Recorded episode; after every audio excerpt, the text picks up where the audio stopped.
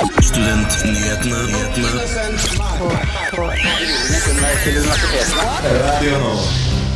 Hei, hei, og velkommen til Studentnyhetene. Vi ønsker godt nyttår, for nå er vi tilbake med en ny sesong, ikke sant, Johanne? Ja, så koselig å være her. Og vi har et flott sending for dere i dag, vi. For nå har vi to universiteter i Oslo. HiOA har blitt OsloMet, storbyuniversitetet.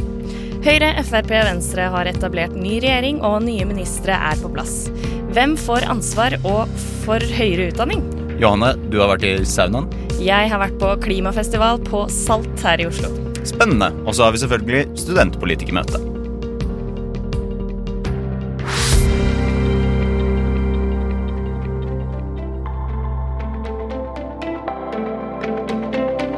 Det var da 'Disaster in the Universe' med 'Let It Go'. Og det har også Høgskolen i Oslo og Akershus gjort. De har kastet fra seg sitt gamle navn og er nå Oslo Met. Vår reporter Selma dro til det nye universitetet for å snakke med rektor Kurt Rice. Hva er hovedgrunnen til at dere ville gå over til å bli universitet? Eh, Det viktigste er jo eh, for det første at vi får mer kontroll over våre egne studieportefølje. Sånn at eh, når du er et universitet, så kan du f.eks. opprette programmer på masternivå uten å gå via NOKUT. Mens som høyskole så må man ha den prosessen med NOKUT. Så vi får såkalt selvakkrediteringsmyndighet. Og det det setter oss i stand til å hive oss litt fortere rundt og svare på samfunnets eh, forventninger. Men det andre som er veldig viktig, er også at eh, begrepet universitet er egentlig standardbegrepet for en sånn institusjon internasjonalt. Eh, og det har vært veldig vanskelig å kommunisere ut i den store verden hva en høyskole er for noe, mens et universitet er noe som alle skjønner fredagen da vi fikk beskjed og hadde statsråd ned, eh, så var jeg Jeg brukte en del timer på ettermiddagen på fartet rundt og, og være på lesesalplassene og snakke med studentene og, og i kantinene og sånt. Og det var eh, bare positivt, den tilbakemeldinga som jeg fikk. Så mitt inntrykk er at uh, dette er veldig positivt tatt imot av så å si alle. Jeg har ikke registrert at det er, det er kanskje et par stykker som, som har et litt um, gammeldags oppfatning av hva en høyskole er for noe, som, som har vært eh, skeptiske. Men ellers så har jeg opplevd at det er bare positivt med at vi har blitt universitet. Hvorfor valgte dere navnet Oslo OsloMet? Dette er den første gangen det er to universiteter i én norsk by. Og da kan man i hvert fall ikke bruke den vanlige tradisjonen. Vi kan ikke hete Universitetet i Oslo, for det navnet er i bruk. Så da måtte vi være litt kreative. og da kjørte vi en lang prosess, og så lot vi oss inspirere av mange forskjellige forslag. Og så mente jeg at på engelsk det begrepet 'Metropolitan University', som er brukt internasjonalt hos mange institusjoner, er noe som også passer for oss. Mange har engasjert seg rundt navneforslagene til det nye universitetet. Oslo OsloMet fikk mye negativ respons, bl.a. fordi det bryter med norsk rettskrivning. Jeg har snakket med to studenter ved skolen, Kent og Antonio, om hva de tenker om de nye endringene. Jeg syns jo navnet er litt merkelig. Jeg skjønner jo, jeg veit hva forkortelsen er, så jeg kan jo se sammenhengen i det. Kanskje ikke det mest snertne. Altså, jeg tenker det er et frieri til uh, altså, med, Det er en globalisert uh, navn da, for å få folk utenfra, studenter eller uh, nye personer innenfor forskning eller undervisning. Fleip meg hjemme med at nå får jeg papir fra et universitet, det er koselig det. Men, men, i praksis, da, for, for, meg, så har det jo ingenting å si. Kanskje internasjonalt, hvis man har lyst til å studere videre og gå internasjonalt, så kan man nok ha litt å si, tenker jeg, for de som tenker på det. Det var da vår reporter Selma som eh, da tok en samtale med rektor eh, Kurt Rice og noen studenter om eh, endringen til universitet. Kurt Rice virket veldig engasjert, men det virket som studentene ikke hadde så mye å si på temaet. Det var da Hanna Gjørver med Mamma Mamma. Og Johanne, ja. Det har blitt, uh, Vi har fått ny regjering. Det har vi. Ja, Hvem er det den består av igjen? Eh, nå er det altså Frp og Høyre, sånn som det var. Og så har Venstre kommet inn. Og Trine Skei Grande er ny kulturminister. Hun har blitt ny kulturminister, og vi har fått uh, noen utskiftninger. Noen dep nye departementer. Og mm. Sylvi Listhaug har blitt innvandrings- og justisminister. ja. Noe jeg syns er egentlig ganske bra, fordi at hennes post har blitt delt opp. Yeah. Fordi hun har ikke vært så veldig god på det med integrering. Hun har vært god på innvandringspolitikk.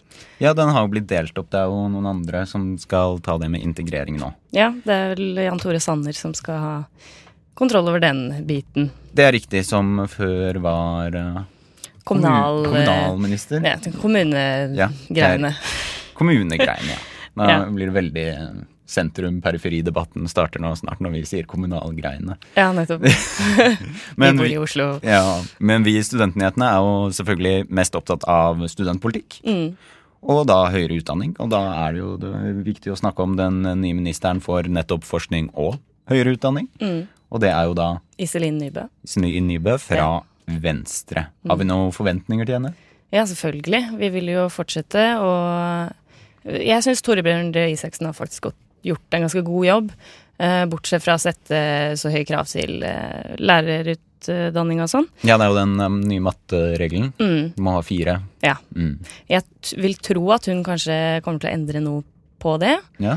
Eh, hun har også sagt at hun eh, vil endre kompetansemålene for lærerne som allerede er lærere.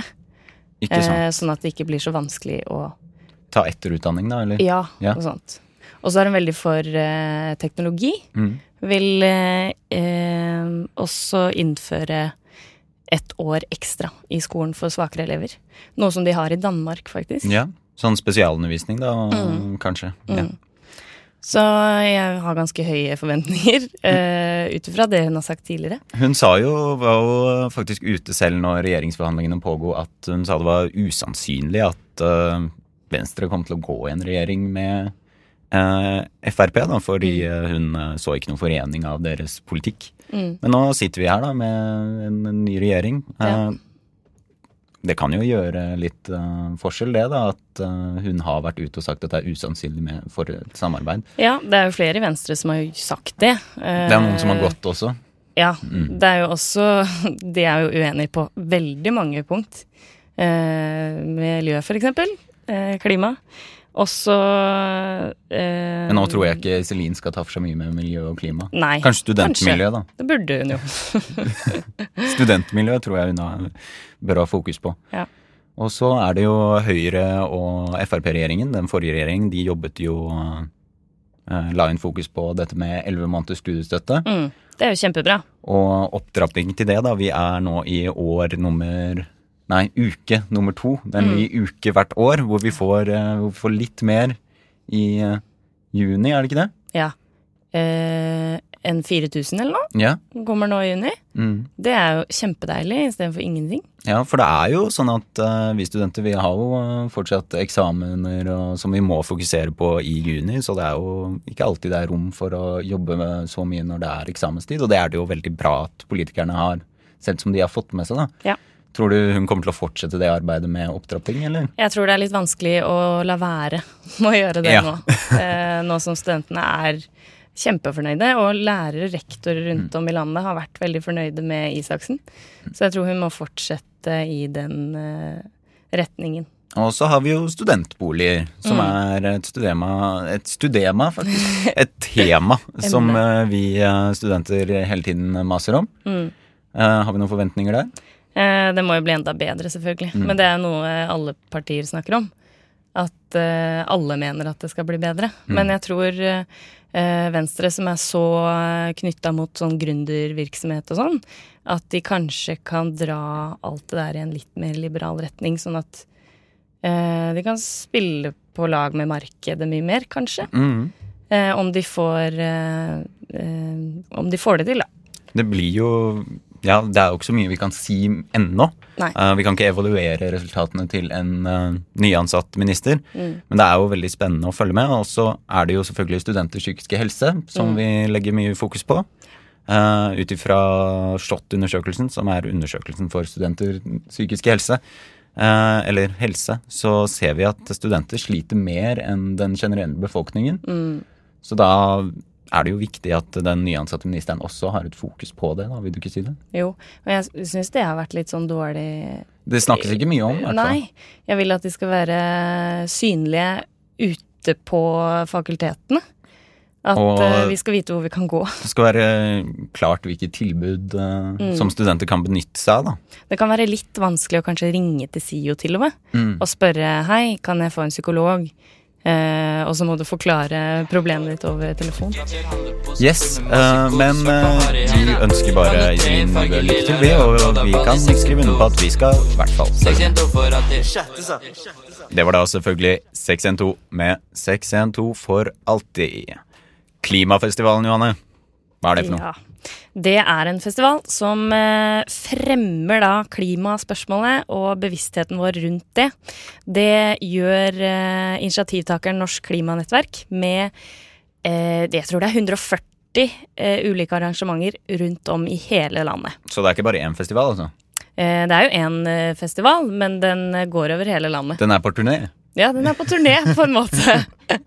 og jeg har vært på Salt i Oslo, Ja. eh, i en sauna, så vi skal høre hvordan det var.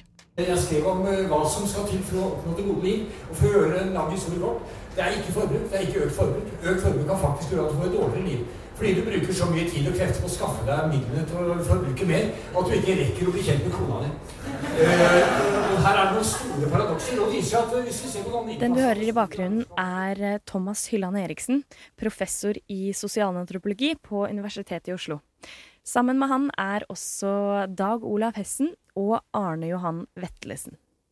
Vi er nemlig her på Klimafestivalen på Salt i Oslo, Inni en ganske opphetet sauna. Som livsstil og som samfunn så, så er vi grunnleggende implisert og sånn sett eh, kollektivt og individuelt. Målet med festivalen er å skape økt bevissthet rundt den klimautviklinga vi er inne i, og engasjementet for å endre den. For det er jo litt som Thomas sier, at hvis vi, hvis vi beveger oss raskt til et helt annet eh, liv, og det er der litt av kommunikasjonsproblemet ligger, at folk tror dette er tilbake til noe litt sånn stusslig og traurig, vi må si nei til alt som er morsomt og fremtidsrettet, men det er tvert om, altså.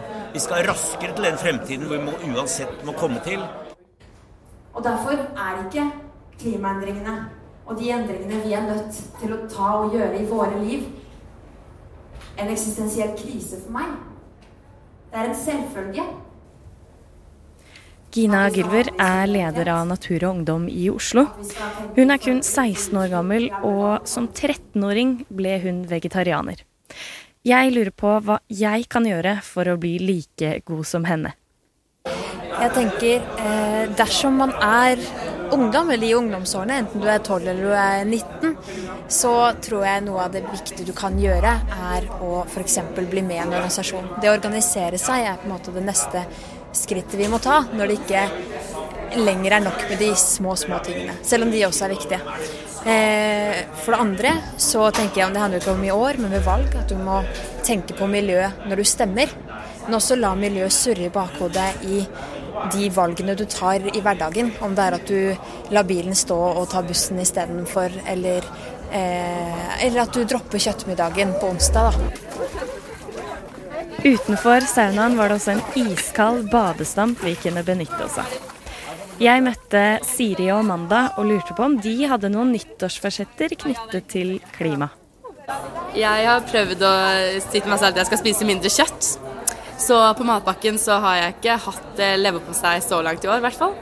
Ja, jeg eh, har, hadde egentlig i starten at jeg skulle bli litt mer aktiv i sånn eh, ungdomspartier som jobber mye med miljø og sånt, men jeg har dessverre ikke gjort det så mye. Men, eh, men jeg blir inspirert av å være her da, til å kanskje gjøre mer. Eh, får dere noen ganger dårlig samvittighet for noe dere ikke gjør? Ja, hele tiden. Altså, det er jo uendelig, uendelig mange ting man kan gjøre. Så Ja, jeg får på en måte dårlig samvittighet fordi jeg kanskje gir litt, litt fort opp. Sånn jeg tenker at det jeg gjør har ikke noe å si, så da tenker jeg at det ikke er, så mye, ja, det ikke er farlig, da. Eh, Og da får jeg kanskje litt dårlig samvittighet for det, at jeg ikke, at jeg, jeg ikke orker å kjempe, på en måte. At det blir, blir en liten fisk i det store havet? Akkurat det. Men det er ikke bare forbrukernes ansvar. Det mener i hvert fall Anders Mo fra Norsk Klimanettverk, som er en av eh, initiativtakerne til festivalen. Det er ikke folk flest. Eh, myndighetene, ja. Og jeg vil si eh, næringslivet. Eh, Jeg syns vi er altfor dårlige til å, til å konfrontere dem. Eh, og jeg tror også avstanden er fryktelig lang. Ekspertene er også enig i at vi må spille på lag med markedet dersom vi skal klare denne krisa. De mener også at vi må være mer personlig, og at krisa skal bli en del av alles hverdag. Vi skal snakke mindre om klima og mer om miljø. Mer om det som er konkret. Det skogholtet, den elven, eh, den fiskearten, ikke sant? Eh, det stedet som jeg er glad i, som blir ødelagt av ut, såkalt utvikling. For miljø, eh, klima kan lett bli veldig abstrakt og fjernt. At det blir litt mer personlig? Ja. Det, jeg tror det er veldig mye engasjement bunner i personlige eksistensielle erfaringer. Det var da klimafestivalen. Mm. Eh, den gikk også under paragraf 112 i år, eh, som er på klimanett eh, På festivalens hjemmesider så kaller de den for verdens vakreste grunnlovsparagraf. Eh, det var også den Natur og Ungdom og Greenpeace brukte i eh, klimasøksmålet mot staten i fjor. Eh, den kom de dessverre ikke gjennom med, men Gina Gilver var fornøyd med hvordan hvordan retten eh, eh, hvordan de hadde eh, tolket paragrafen, da. Ikke sant? Ja. Yes, det hørtes jo ut som et spennende arrangement. Kjempegøy. Yeah. Jeg fikk bade og kose meg.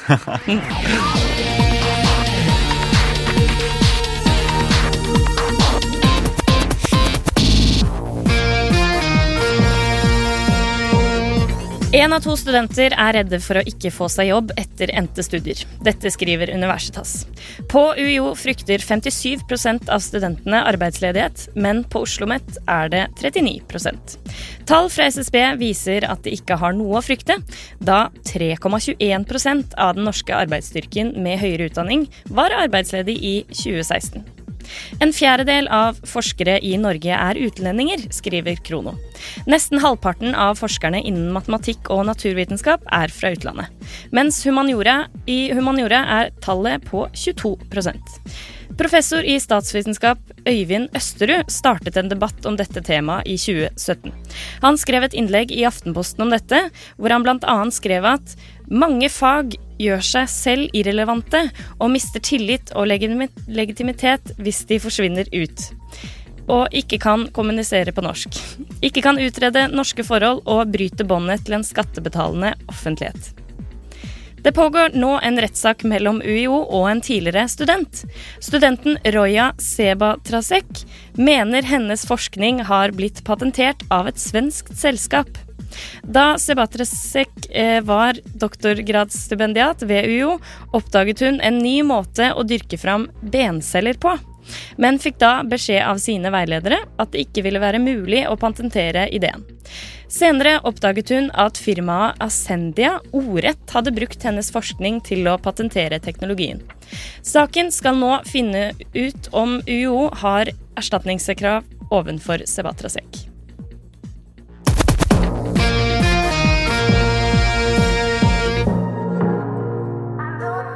Der hørte vi Jengi med Know You. Og da har vi fått fullsatt studio her. Velkommen til Studentnyhetene, leder for studentparlamentet ved nå Oslo OsloMet, Rune Keisuke Kosaka. Tusen takk. Marius Hillestad fra Arbeiderbevegelsens studentliste ved UiO. Takk. Og Jon Eskil Ramsrud Kindberg fra Blå liste. Takk, takk. Da har vi alle sammen møte. Vi skal snakke mer om at Høgskolen i Oslo og Akershus har blitt universitet med navnet Oslo OsloMet. Det har vært uenigheter om navnet, som vi hørte tidligere i sendingen. Eh, Rune, du har vært eh, med på forhandlingene av navnet Oslo OsloMet. Hvordan opplevde du uenighetene rundt eh, navnet under møtene? Jeg, tror det som har vært vanskelig med navndiskusjonen rundt Oslo OsloMet, er at man har noen som liker det veldig godt, som noen som ikke liker det i det hele tatt. Som veldig mange som, som ikke vet helt hva de skal mene. Litt av problemet med de som ikke liker det i det hele tatt, er at de ofte ikke har et klart og tydelig alternativ. Så selv når styret skulle behandle, så var det jo ikke noe alternativ to. De var veldig imot at det skulle hete det, men de hadde ikke noe bedre forslag selv. Mm. Eh, hva syns dere om det nye navnet? Eh, det er greit. Ja. Jeg syns ikke det er så fint, men Nei, Funker. nok universitet. Det er jo kult, det, men uh, Oslo Met det passer bedre på engelsk, tenker jeg. Ja. Eh, ja, det står jo for Oslo Metropolitan University. Eh, har vi dekning for å kalle Oslo en metropol? uh, jeg, jeg, jeg leste Wikipedia-artikkelen om metropoler her om dagen, Uh, og den var litt uenig. Kanskje, kanskje, tror jeg Wikipedia-artiklene sa. Man, man kan strekke Oslo til å kalle den en metropol. Hva er definisjonen? Et, det, det kulturelle senteret i et land, og det kan vi jo si at Oslo på mange måter er da økonomisk og kulturelt senter, men det er jo ikke en verdensmetropol på noen måte. Når jeg tenker på Oslo, så tenker jeg egentlig ikke på en sydende metropol som liksom Ja, jeg ser liksom New York, kanskje, eller en annen eh, vel, En stor storby, da. Mm. Ja. Men eh, ja, som du sa, det var ingen andre alternativer, så da, da får vi bare kjøre på, da. Det kan jo tenkes de refererer til Kjeller, da. Altså Akershus og sånn. Så hvis man tenker litt større her, da, Mm. tenker jeg. Det er jo Ja, Kjeller. Mm. Det er kanskje der det ligger. Har det noe å si for studentene at høyskolene nå har blitt et universitet? Spørsmålet til alle. Bare kjøre på. Ja, jeg, jeg- tror eh, kanskje ikke man kommer til å merke noe sånn umiddelbart, men på sikt så tror jeg det kommer til å gjøre, eh, gjøre det lettere å, å, å drive den utdanningen man har lyst til å gjøre på en effektiv måte. Eh, og så tror jeg jo og håper at det har noe å si for statusen til de yrkene vi utdanner. Da. At, at man, man snakker ofte om et statusløft for lærere og sykepleiere. Og da tror jeg det kan hjelpe at de nå blir universitetsutdannede i Norge fremfor eh, klassisk høyskoleutdannede, da. Vet du om det har noe å si for de praktiske utdannelsene ved nå universitetet? Eh, Nei, ikke i første omgang så vil jo ting eh, være som det alltid har vært, men på sikt så vil det jo kanskje være mulig å legge om noen av studiene. Mm. Eh, du, Marius og Jon Eskil, dere som går på universitetet. Eh, har det mer eh, status Hvilket universitet? Det er nå to. Ja, sant, jeg glemmer det jo. Universitetet i Oslo. Eh, er det mer prestisje å få et vitnemål fra et universitet? Um, jeg vet ikke helt. Nei. Det, jeg har inntrykk av at uh, mye av universitetsutdannelsene er sånn veldig brede og litt sånn vage, så du får jo en utdannelse innenfor noe. Mm. Eh, og så får du kanskje ikke helt den jobben du skulle ønsket du skulle fått, da, men du får sånn veldig gode kriterier og har all mulig erfaring fra før. Mm. For X-Fact, da. Ja. Så blir uh, anstendige borgere. Det, det er det, Det blir studentene må gjennom. Det er vel det de kommer til å kjenne på som er det største. Nei, det, det står i, jeg, tror vi slipper unna det, skjønner du. Ja. det står ikke noe lov. Ja, slipper unna? Ja, ja, ja. Det står ikke noe lov loven om man må ha det. Det er bare at UiO har valgt å beholde det. Og de Tra andre. Tradisjon, sikkert. Men vil det ikke være lettere for eh, studentene å få seg jobb i utlandet med en sånn, et sånt vitnemål? Jeg, jeg tror og håper det. I hvert fall på sikt. Nå må man jo selvfølgelig drive med noe eh, merkevarebygging, men på sikt så vil jo det forhåpentligvis eh, gjøre det lettere. Ja, vi, vi skal fortsette å følge med på hvordan eh, det går med Oslo Met. Eh, kanskje de må ha X-Fil. Da blir jeg veldig blid, for jeg har måttet slite med X-Fil, så da får alle, andre gjøre det òg. Nei. Eh, vi skal nå bevege oss eh, videre. Vi skal snakke om Det Norske Studentsamfunn. Altså huset her vi sitter. Vi sitter oppe i fjerde etasje. Formann Trygve Haaland gikk av forrige fredag som følge av det som betegnes som en uheldig hendelse på nachspiel, og har innrømmet å handlet på en måte som ikke er forenlig med ansvaret som formann, har han uttalt i en pressemelding. Han er ikke her nå i studio, så vi skal ikke snakke så mye mer om akkurat han, men nachspieldriften i tredje og fjerde etasje er nå stoppet som følge av dette. I tillegg til at eh, det har vært andre uønskede hendelser på huset tidligere. Dere er alle aktive studenter. Opplever dere, dere denne nachspieldriften som utagerende? Um, nei Definer utagerende. Vill og galen og uheldig. som regel ikke. Jeg opplever det som en trygg atmosfære. Mm. Eh, det Heller uh, være kjempefull her enn ute på byen og sovne i grøfta, liksom. Ikke sant? Uh, Syns dere det nå er riktig at tredje og fjerde etasje nå blir stengt, låst om kvelden? Jeg, jeg, syns det, det er veldig vanskelig å si noe entydig ja, ja eller nei ut, uten å liksom kjenne til mer konkrete hendelser. Men jeg stoler jo på at de som har tatt den avgjørelsen og kjenner sakene bedre, har tatt den på bakgrunn ja, at, de, at det er en fornuftig avgjørelse som de har tatt. Og så syns jeg det er sunt at hvis man anerkjenner at man har et problem, så er man villig til å prøve å rydde opp i det. Og da, ved å stenge ned nachspieldriften i en periode, så, og man tror det kan man kan skape tryggere rammer fremover eh, ved å gjøre det, så tror jeg det kan være fornuftig. Mm. Hva tror dere vil skje med, med hele kulturen på huset? Vanskelig å si. Ja. Eh, Vil folk slutte å feste?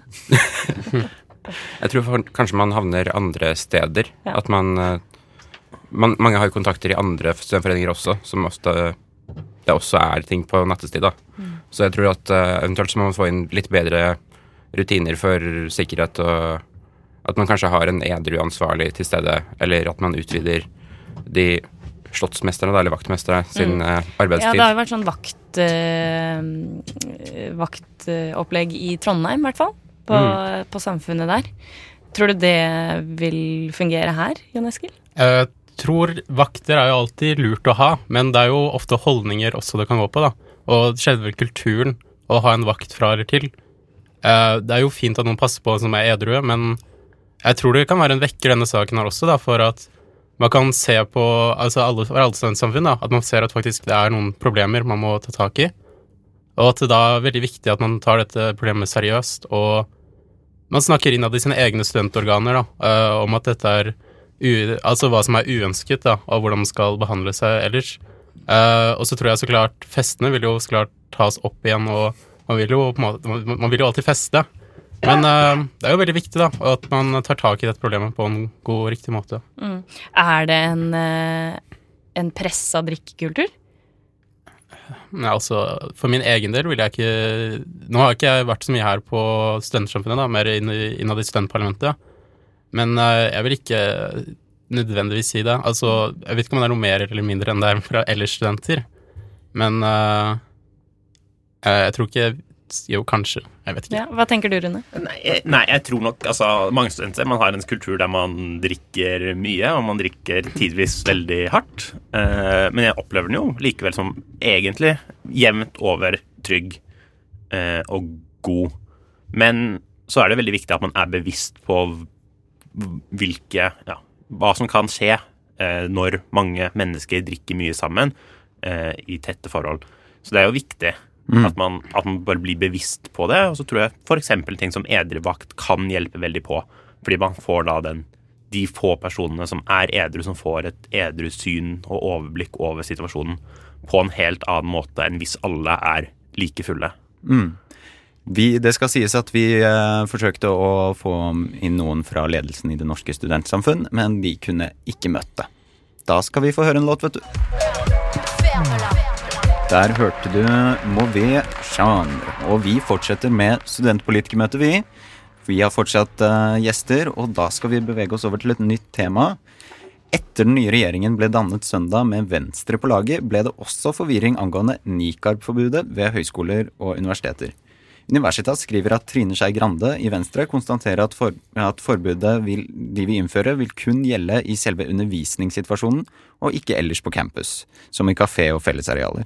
Hva synes dere om at dette forbudet nå satt i gang eh, på handlingsplanen deres? Eh, Jeg syns det er tullete å ha et sånt forbud. Altså Hvis man skal nekte det inn i undervisningen, da skjønner jeg helt ikke poenget med det her. Det er jo utrolig diskriminerende, og jeg skjønner ikke skal de henge fra seg før de går inn. Da skal de ha en egen garderobe der. Jeg synes det er veldig tullete forslag, egentlig.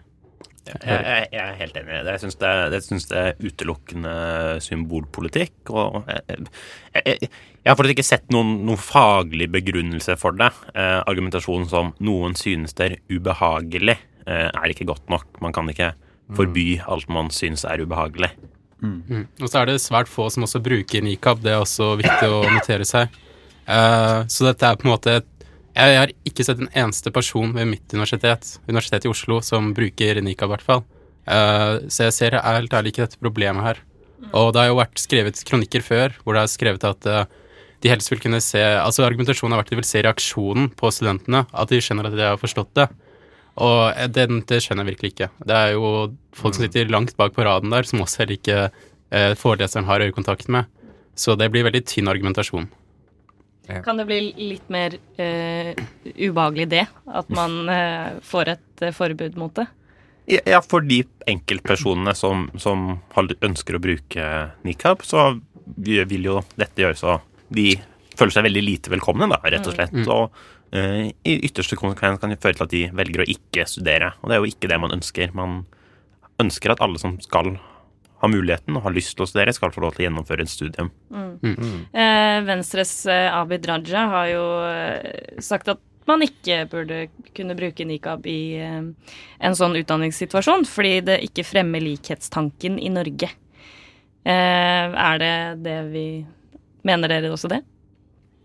Eh, altså, likhetstanken for min del er vel at alle skal ha lik rett til utdanning. Mm. Og hvis du da nekter noen å få utdanning fordi de har på seg et klesplagg, uh, så virker det veldig rart, med mindre det er typ uh, i en lab-situasjon hvor det kan være uh, fare, da. Mm. Så jeg syns det virker veldig rart. Mm. Hvordan er det med at man ikke kan se ansiktet til den man snakker med, eller den man underviser? Er det et problem? Eh, det, altså, nå er ikke jeg foreleser, men jeg vil ikke tro det er et problem. Det finnes jo folk med veldig langt hår, da, eh, til sammenligning med håret. Og når de har det foran ansiktet sitt, så kan det jo være like vanskelig. Så på en måte som blir veldig tynn, og ikke ser reaksjon. Folk sitter jo på mobilen sin eller nede i PC-ene sine uansett. Folk sover også i forelesninger. Ja, så det er veldig tynn Reaksjon argumentasjon. Ja. Mm. Ja, eh, da skal vi bevege oss litt eh, videre igjen. Det er jo eh, blitt satt ny regjering. Mm. Vi kan jo snakke om eh, deres reaksjoner og forventninger eh, til det nye regjeringssamarbeidet. Det er bare å skyte inn hvis noen har noe. Ja, jeg er i hvert fall svært fornøyd. Så jeg syns det er veldig fint å ha fått Venstre inn i regjering. Uh, og så er det mange interessante nye ministerposter som har kommet opp. Uh, Eldreminister, blant annet, som Frp har fått. Det er jo morsom vri. Og så har vi også fått nå to ministre da, for utdanning. Uh, nå en for høyere og høyere utdanning og forskning, og så har vi kunnskaps- eh, og integreringsminister fått. Mm. så det er jo interessant, og så jeg det er eh, Jeg syns Venstre har fått mange fine saker inn, og jeg tror det blir en bra, bra regjering. Mm. Ja, jeg, jeg skal ikke legge skjul på at jeg helst skulle hatt en, en annen regjering. Eh, men jeg syns jo no, noe av det som kom, kom til den regjeringserklæringen, som jeg gjetter at Venstre har fått gjennom, kan se fornuftig ut. Og så blir det spennende å se hvordan disse nye ministerpostene eh, kommer til å fungere, spesielt de på utdanningsfeltet. da. Ja, vi skal eh, følge mer med, vi. Men da har vi dessverre ikke tid til mer nå i dagens studentpolitikermøte, så vi går rett over til en låt. Der hørte vi Dark Times med Blazing. Og da, Johanne, har vi kommet til veis ende. Det har vi. Ja, Og da gjenstår det bare å takke for oss. Mitt navn var Martin Mathias Nøding. Og jeg heter Johanne Sumstad Artved. Og vi må selvfølgelig huske å takke vår fantastiske tekniker Helge. Og så høres vi igjen om en uke, vet du. Ha det bra. Ha det.